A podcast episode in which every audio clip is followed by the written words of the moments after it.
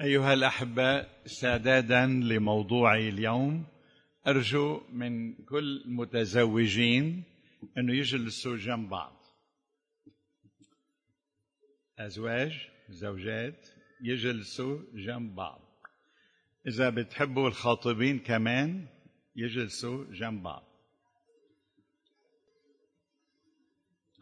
وصلاتي اليوم أن يستخدم الرب هذه الكلمة من كتابه المقدس لترسيخ مفهوم عميق في حياتنا الروحية والزوجيه وأبدأ بالقراءة من سفر التكوين من الفصل الثاني وأرجو الانتباه إلى القراءات.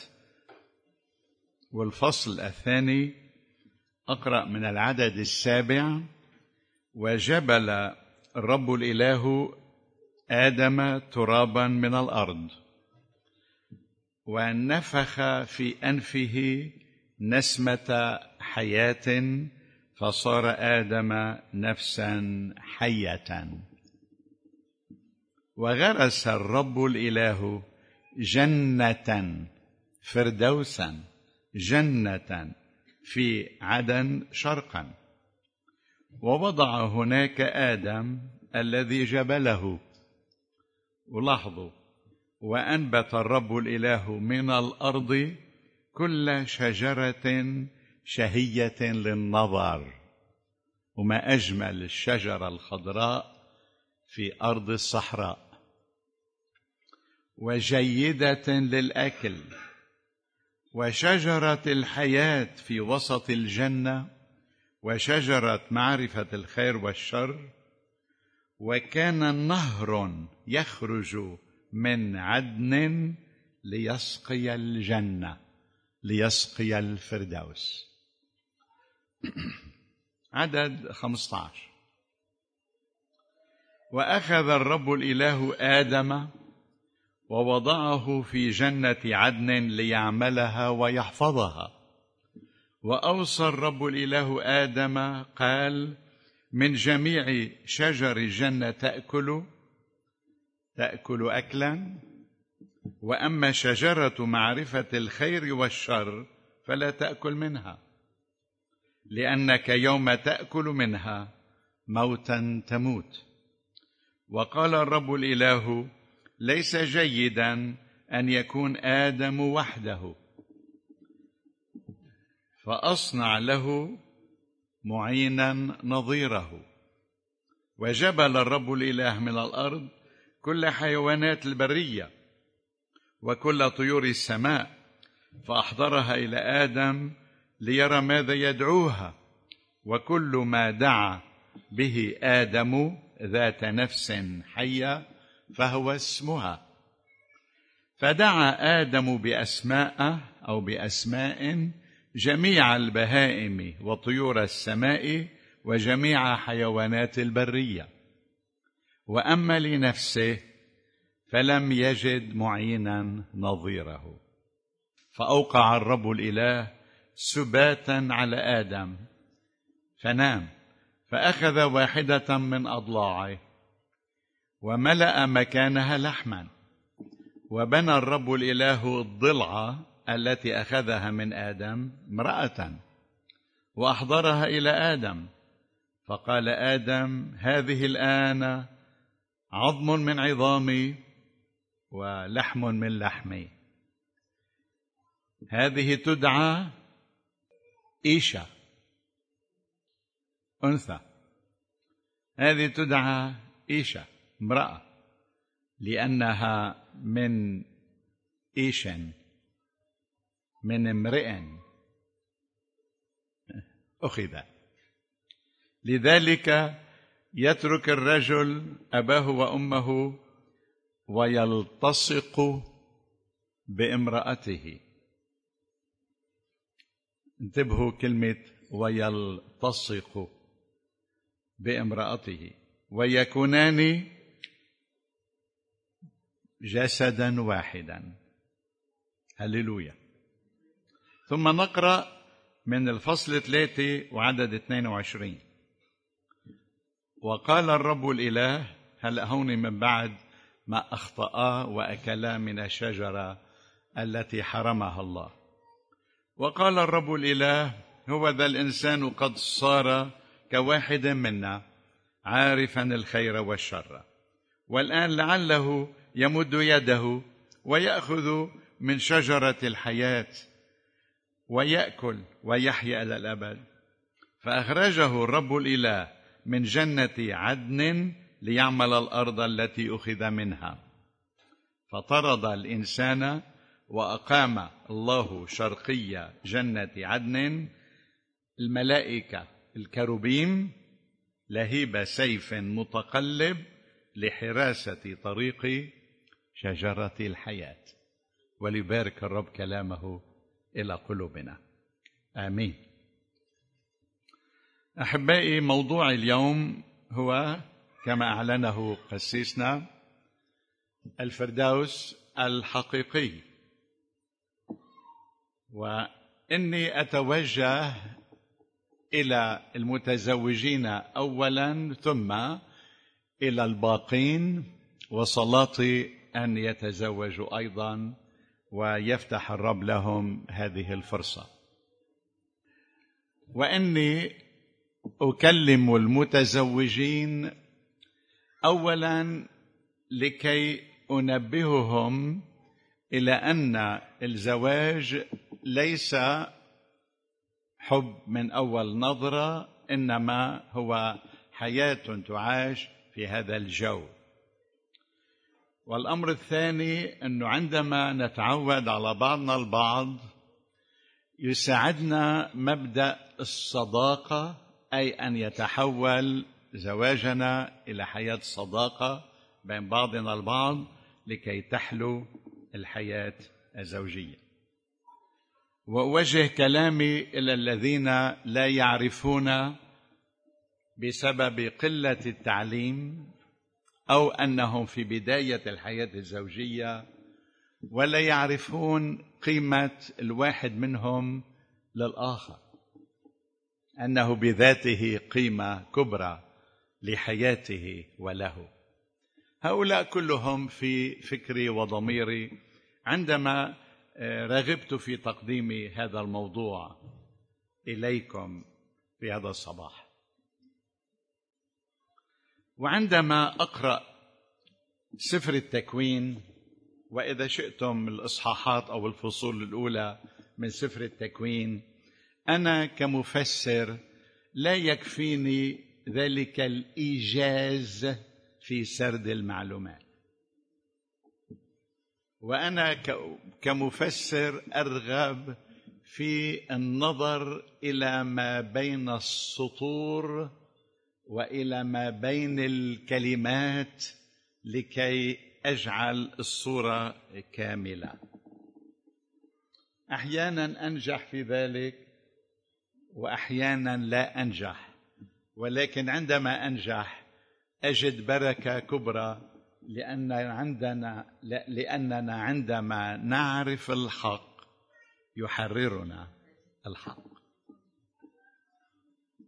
أتأمل في هذا الموضوع في الفصلين اثنين وثلاثة والأول في سفر التكوين بعد خمسين سنة وأكثر في الإيمان ودرس الكلمة وتعليمها والرب يكشف كل مرة أمرا جديدا وعميقا. وأريد أن أشجعكم أنتم الدارسين للكلمة أن لا تفشلوا لأنكم إذا استمريتم في درسها ومقابلة صور الكتاب بصور الكتاب وتعابير الكتاب بتعابير الكتاب سيمكنكم أن تروا إلى عمق أكثر. استمروا في الدرس.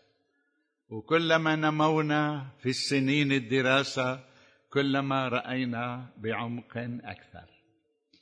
في قاع في قاع بحر الكلمة لآلئ كثيرة. فإذا غطستم وتعمقتم ستصلون إليها وتكتشفوها واحدة فواحدة جبل الرب الإله آدم خلقه وصنع جنة خاصة له وأقامه فيها. وهذه الجنة الباراديسوس الفردوس هذه الجنة كان فيها كل ما هو ممتع للنظر من جهة الشجر الأخضر وكل ما هو مسر للنفس من طعام وأكل وكان هناك نهر يروي الجنة. ولا ينسى الكتاب أن يذكر ذلك. و ومن كان يعيش في تلك البقعة من الأرض في ذلك الزمان وكانت شبه صحراء كان يمكنه أن يقدر قيمة الجنة. اللبنانيين اللي عايشين في جنتهم لبنان إذا قالوا لهم في محل في أخضر وفي مي وفي فاكهة طيبة تعالوا نروح لإله بيقولوا لهم عنا هودي معودين عليهم. لكن يلي بيعيشوا في الصحراء يستطيبون المجيء إلى بلد مثل لبنان فيه الأخضر وفيه الثمر وفيه, وفيه المياه. فوصف هذه المسألة والمشهد هو ما بين النهرين أرض العراق. فكان قادر واحد يشوف فاذا في مكان مثل هذا يوجد صحراء في العراق. بنفس الوقت هناك جنات على مدارج المياه على على شواطئ النهرين الدجلة والفرات وفي أماكن ساحرة. سألتني عن العراق فقالت أتراه كما وصفت جميل نعم جميل العراق. فوضع الله الإنسان في هذه الجنة وقال أنا أتممت كل شيء لهذا الإنسان فاسعد أيها الإنسان وتمتع في هذه الجنة التي صنعتها لك. وهذا الآدم عاش في الجنة يتمتع بالشجر والثمر والمياه. ولكن بعد حين هذا الإنسان آدم الأول مل مما يشاهد يوميا مل من الرتابه مل يعني صار عنده نوع من الزهق مل من هذه المشاهد المتكررة يعيشها يوما فيوما. يتطلع في الشجر يتطلع في الثمر يتطلع في بحيرات المياه والنهر أشياء جميلة ولكن يرغب أن يخاطب هذه الشجرة. يقول لها شيئا يراها لا تتجاوب معه. ليست نظيره مش من طبيعته. اذا هو رغم الجمال الموجود في الجنة هو غريب في الجنة. وعندنا مثل بلبناننا الجنه ما بتنداس بلا ناس. شعر نفسه غريبا متوحدا. الجنة بدون آخر موحشة. تطلع الله إلى آدم الذي يعيش في هذه الجنة يوما فيوما سنة سنتين ثلاثة.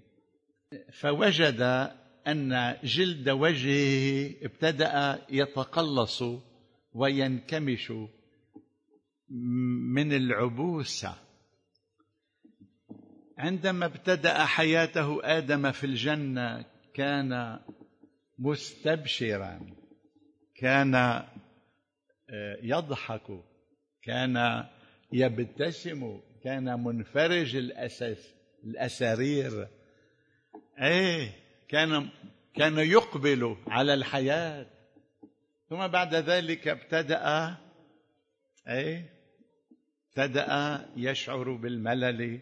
والزهق ليس هناك آخر. الأرض موحشة بدون آخر مثلي فابتدأ يعبس والعبوس يؤثر على نفسه وروحه وابتدأ يخسر من وزنه رغم الثمر الجميل والأكل الطيب.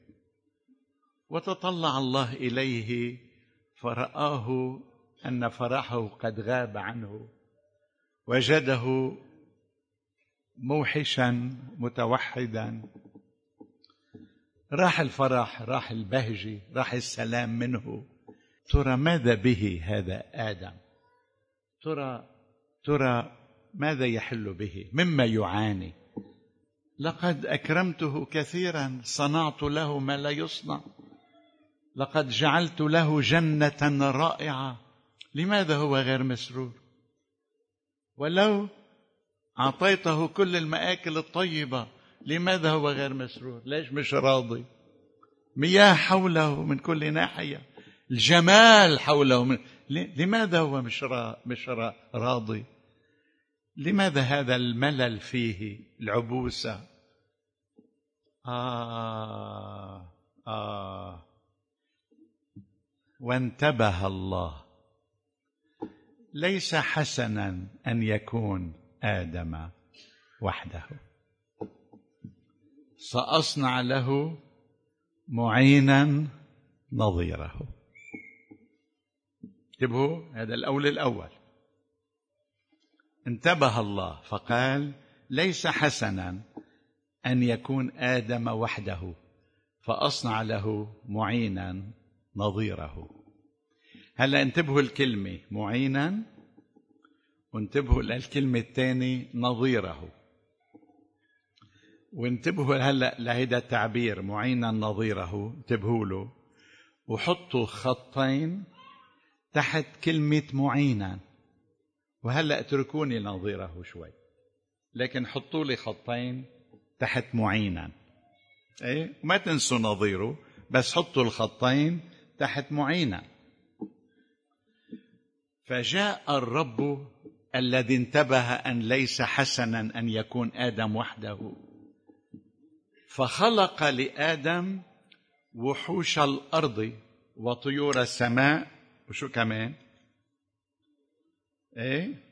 حيوانات البرية وكل طيور السماء مش هيك؟ فأحضرها إلى آدم ليرى ماذا يدعوها. وابتدا آدم يتطلع إلى هذه الحيوانات فدعا بأسماء جميع البهائم وطيور السماء وجميع حيوانات البرية. لاحظوا ربنا شو خلق له. معينا مش هيك نظيره.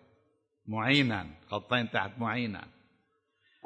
هل له يسر من جديد؟ يرضى. يفرح بما يقدمه له الرب الآن من عالم الحيوان والطير معينا يساعده. وامتلأت الجنة بماذا؟ بالبهائم. بهائم يعني الحصان وشو بعد؟ والحمار والبقرة والغنمة والخروف والديك والدجاجة والكلب والبسينة. وبعدين الطيور على أشكالها وأنواعها. بريشها المزين بألوانها الرائعة إيه، بطيرانها وزقزقتها. إن كانت عصافير أه؟ وبعدين وحوش البرية النمور والأسود. هذه كلها كانت حواليه ولاحظوا دفعها إلى آدم لكي يدعوها بأسماء. وهذا يعني بلغتنا المعاصرة أن يسميها ويعطيها هوياتها. فمثلا هذا هو نمر هذا حصان هذا النسر هذا هذا عصفور هذا قط.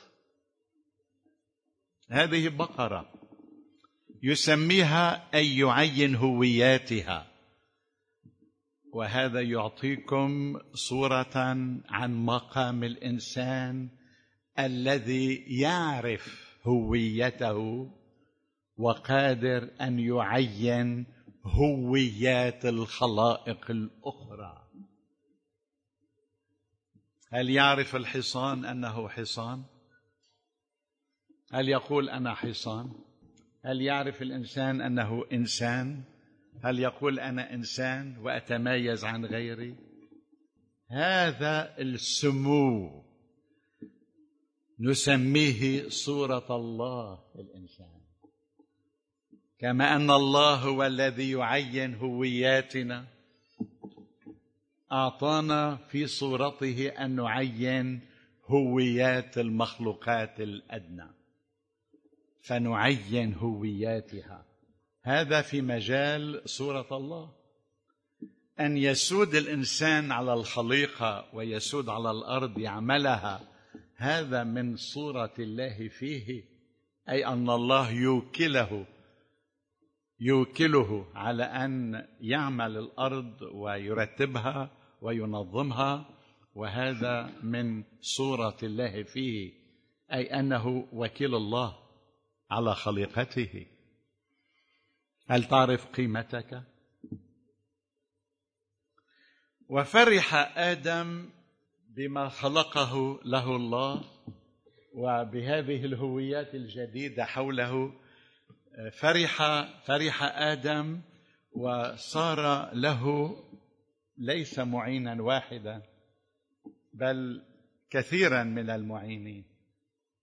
صار عنده بقرة تجيب له الحليب وصار عنده بسينة يتسلى فيها وصار في عنده ثور يمكن يفلح عليه ليطلع شيء جديد في الأرض. وبعدين صار في عنده عصافير بتطير حواليه. الجنة امتلأت بالحياة من جديد. صار في حركة صار في أصوات. زمجرت الأسود زمجرت النمور صهيل الخيول زقزقت العصافير. صار في حركة مش جمال لا صار في أشياء جميلة كثير حوله.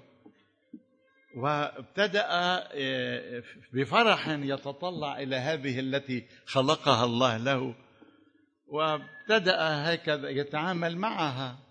الحصان يقف أمامه الخليقه الجميلة هيدي. قفز على ظهره. أوه روعة. كيفك يا حصان؟ إيه؟ هم هم هم. صح سهل في وجهه إيه؟ كيفك يا يا شو يا أرنب؟ كيفك يا كلب؟ هبهب في وجهه. كيف كيفك يا عنزه مو مو جميل جميل أصوات رائعة. وتطلع بكل هذه وقال شي مرة لحدا منها. أحبك. الآخر لم يجب. ما عرف كيف بده يجاوب. جميلة الجنة. جميلة مخلوقاتها. جميلة هذه الحيوانات التي خلقها الله لإعانتي. جميلة جدا لكن ما في تواصل. هي أجسام متحركة. أنا جسم متحرك. تستطيع أن تفهم جزئيا. أي لها نفس وعقل في مستوى معين. كل هذه الخليقة ولكن ليس فيها أرواح مثلي تشبهني أشبهها في أمور كثيرة. أنا آكل هي تأكل. أنا أشرب هي تشرب. ولكن مجال التواصل اللقاء الفكري مفقود. وعاد آدم إلى سيرته الأولى. يكش. ويعبس. وأصابه الملل من جديد. يريد معينا. يريد معينا نظيره. ما بده فقط معينا بده معينا نظيره. ولاحظ الله من جديد أن آدم غير مسرور ولا راضي مع كل هذه الجمالات الإضافية التي أضافها له الله في الجنة. من خلقه من خلقه كل هذه الحيوانات. ومع أنه وجد فيها تسلية ووجد فيها معينا أي؟ ولكنه بقي وحيدا. المكان موحش بدون النظير. وابتدأ الله يلاحظ الكمد على وجه آدم من جديد.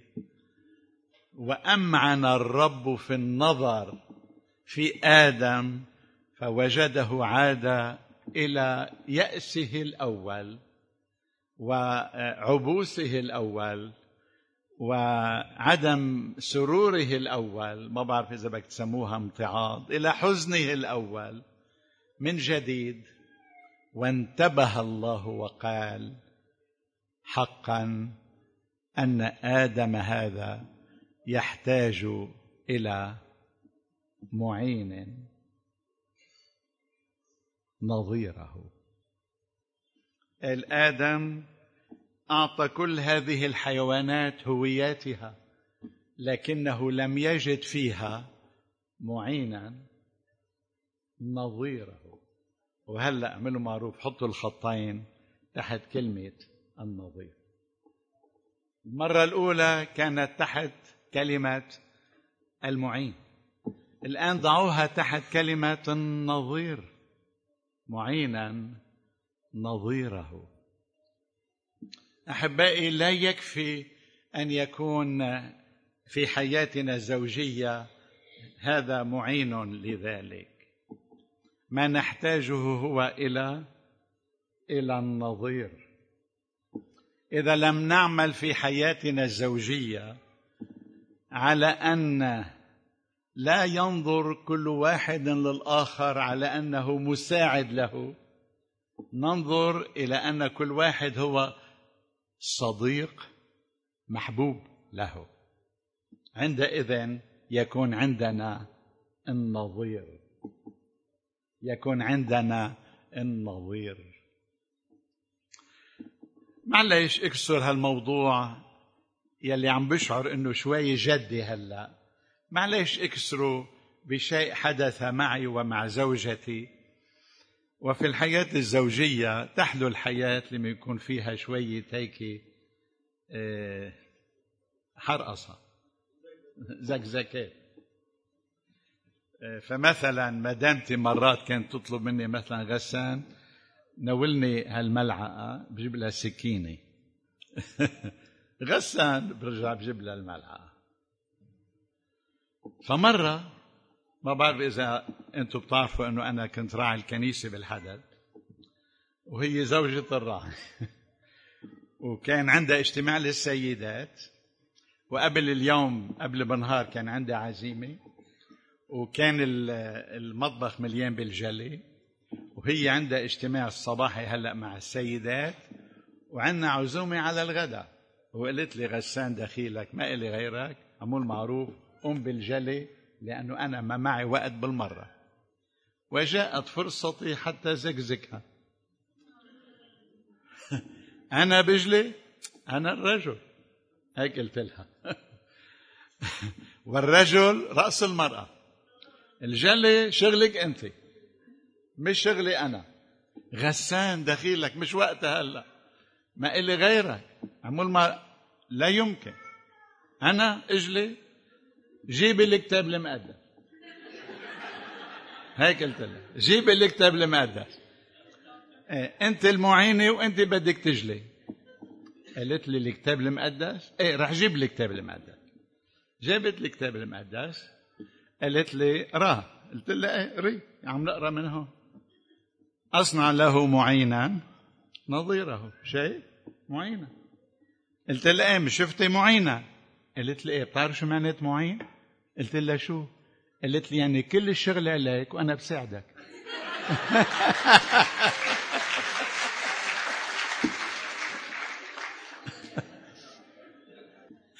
قالت لي هذا معنى معي ومن ذلك اليوم سميتها حني اللاهوتية.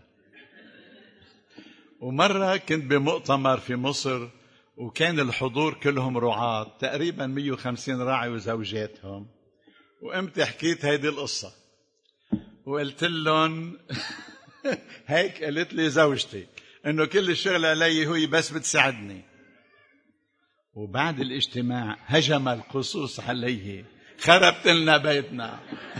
هلأ نسواننا بدهم يشغلونا. وبالكاد خلصت منهم.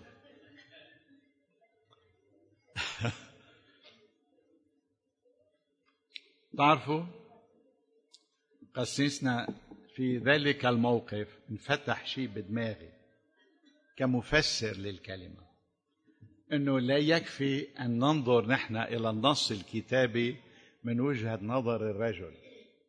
يجب أن ننظر إليه من وجهة نظر المرأة أيضا. لأنه مرات نحن كرجال ننظر إلى النص من وجهة نظر ذكورية وجهة نظر الرجل. لكن مرات النساء بيطلعوا على النص من وجهة نظرهن هن.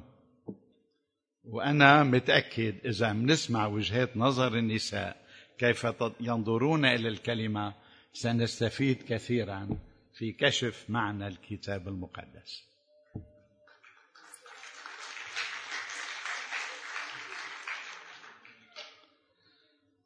نظر الله إلى آدم فوجده عابسا من جديد مهموما من جديد مكمدا من جديد وقال في ذاته آه هذا الآدم لا يكفيه المعين يريد النظير سأخلق له نظيره خلقت له من يعينه لا يكفي. أخلق له النظير. من أجل ذلك ابتدأت بالكلمة فأقول ابتدأت هذا القصة كما قلت. لا يكفي أن ينظر الواحد منا لزوجه. لزوجه يعني كل واحد لزوجه. لأنه الرجل اسمه الزوج والامرأة اسمها الزوج. كل واحد ما بكفي ينظر إلى الآخر زوجه أو زوجته إنه هو معين أو مساعد له. يجب أن نتحول إلى الصداقة المحبة. لا يكفي الإعانة بدنا النظير. شو عمل الرب؟ ألقى السبات على آدم. بلغة العصر عمل له بنج. نيمه. وعمل عملية أسسنا بتسمح لي؟ استنساخ. مرة كنا بمؤتمر واجتمعنا بعض القصوص وصرنا نقول مسموح الاستنساخ البشري الكلونينج أو لا؟ بعدين فقنا أنه ربنا عملها بالأول. على كل حال حطوها على جنبين وضع الرب سباتا على آدم. واستخرج منه ضلع وبنى اللحم على الضلع وصنع منه امرأة. وقدمها إلى آدم. وماذا قال آدم؟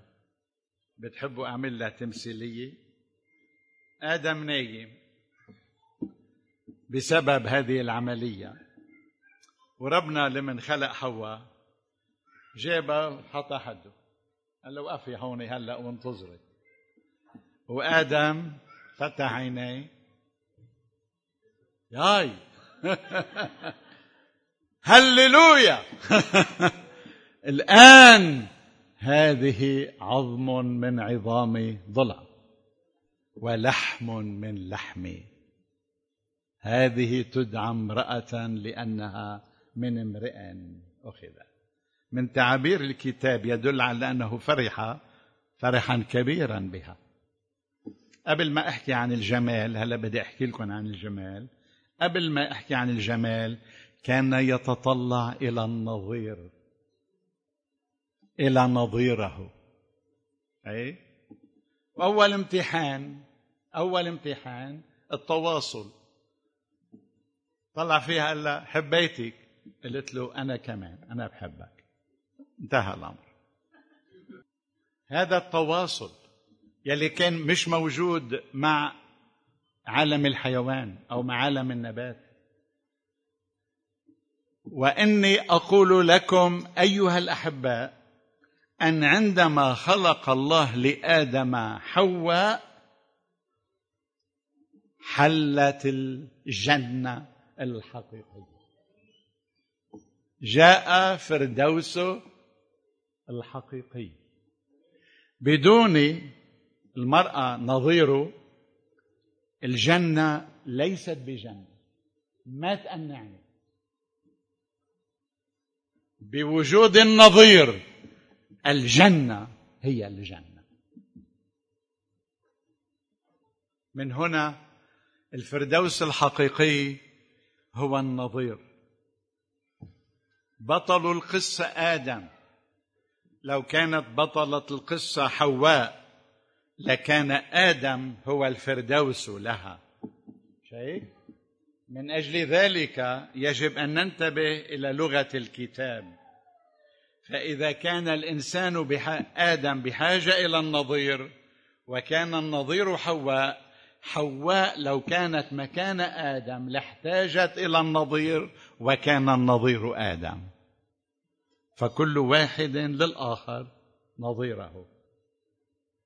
وكما أن حواء صارت فردوس آدم آدم كذلك هو فردوس حواء. أما عن الجمال سمعت مرة قصيصا مهضوما عم بيقول هذا الكلام. بتعرفوا ليش هو عم بيقول هيك بعرس بتعرفوا ليش المرأة أحلى من الرجل؟ وهو جاوب قال لأنه لمن الله خلق آدم خلقه من تراب الأرض. ولمن خلق حواء خلقها من آدم فإجت اضطراب مصفى.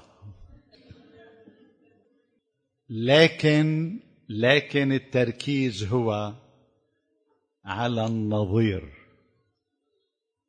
على النظير.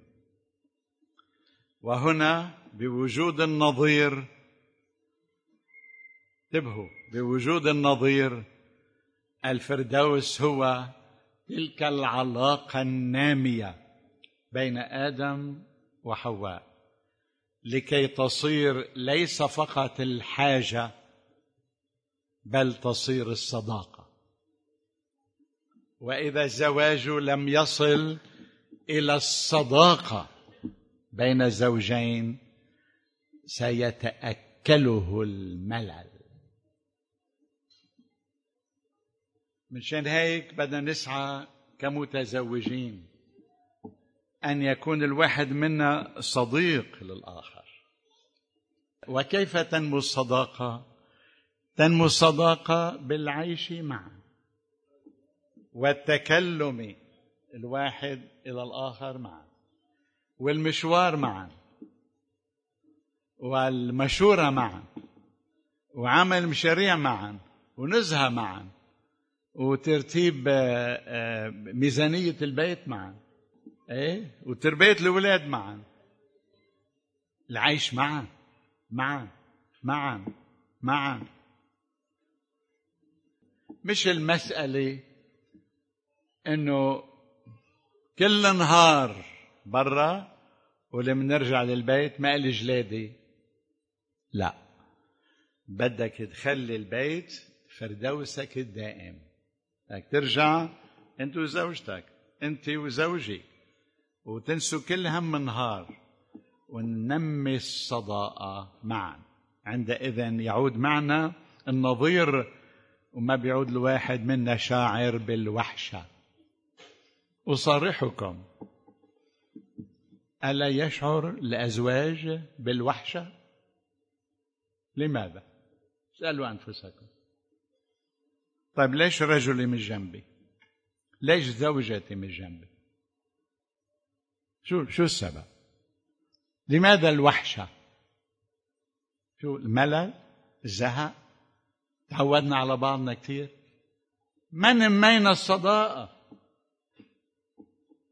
افتكرنا انه الزواج حاجة. أو مثلا للإنجاب. أو مثلا حتى أكون أنا مقبول اجتماعيا. ونسينا انه الزواج علاقة. علاقة محبة. علاقة صداقة. علاقة روحية. علاقة كيانية. علاقة بين حبيبين يصممان أن يصبحا صديقين. والصداقة لا تستمر إلا بالاحترام وعندما الاحترام يوجد الصداقة تتمتن.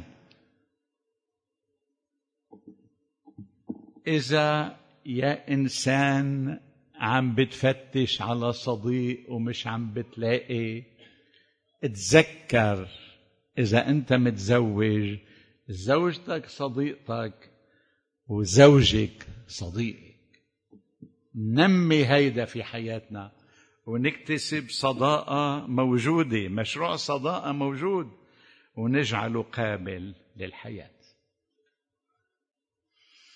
أخطأ آدم وحواء واستدعى الأمر أن يطردهما الله من الفردوس. آدم حواء إلى خارج الفردوس. ويستعمل الكتاب أخرجه الرب ويستعمل الكتاب فطرد الرب الإنسان. خارج الفردوس. خارج الفردوس. طرد خارج الفردوس. أنا بدي أسألكم هل حقا طرد آدم من الفردوس؟ أم خرج فردوسه معه؟ خبرني. هل طرد آدم من الفردوس؟ أم خرج وفردوسه معه؟ خبروني. كيف يطرد من الفردوس والفردوس معه؟ كيف يطرد؟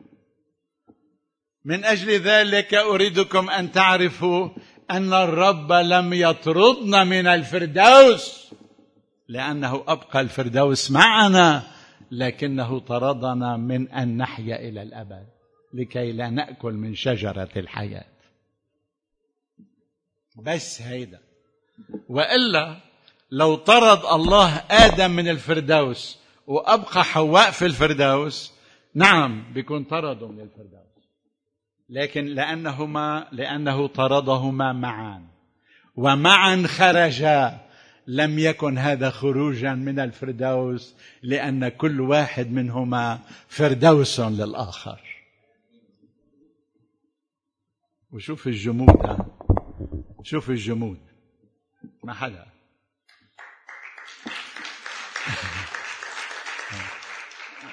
لا لا أنا أرجو من المتزوجين بس يزقفوه حتى يتأكد إنه هن هن عم بيقولوا نعم.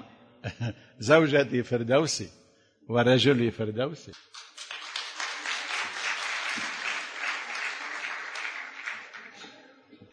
والآن والآن هل هل وضعتما هل وضعتم أيها المتزوجون؟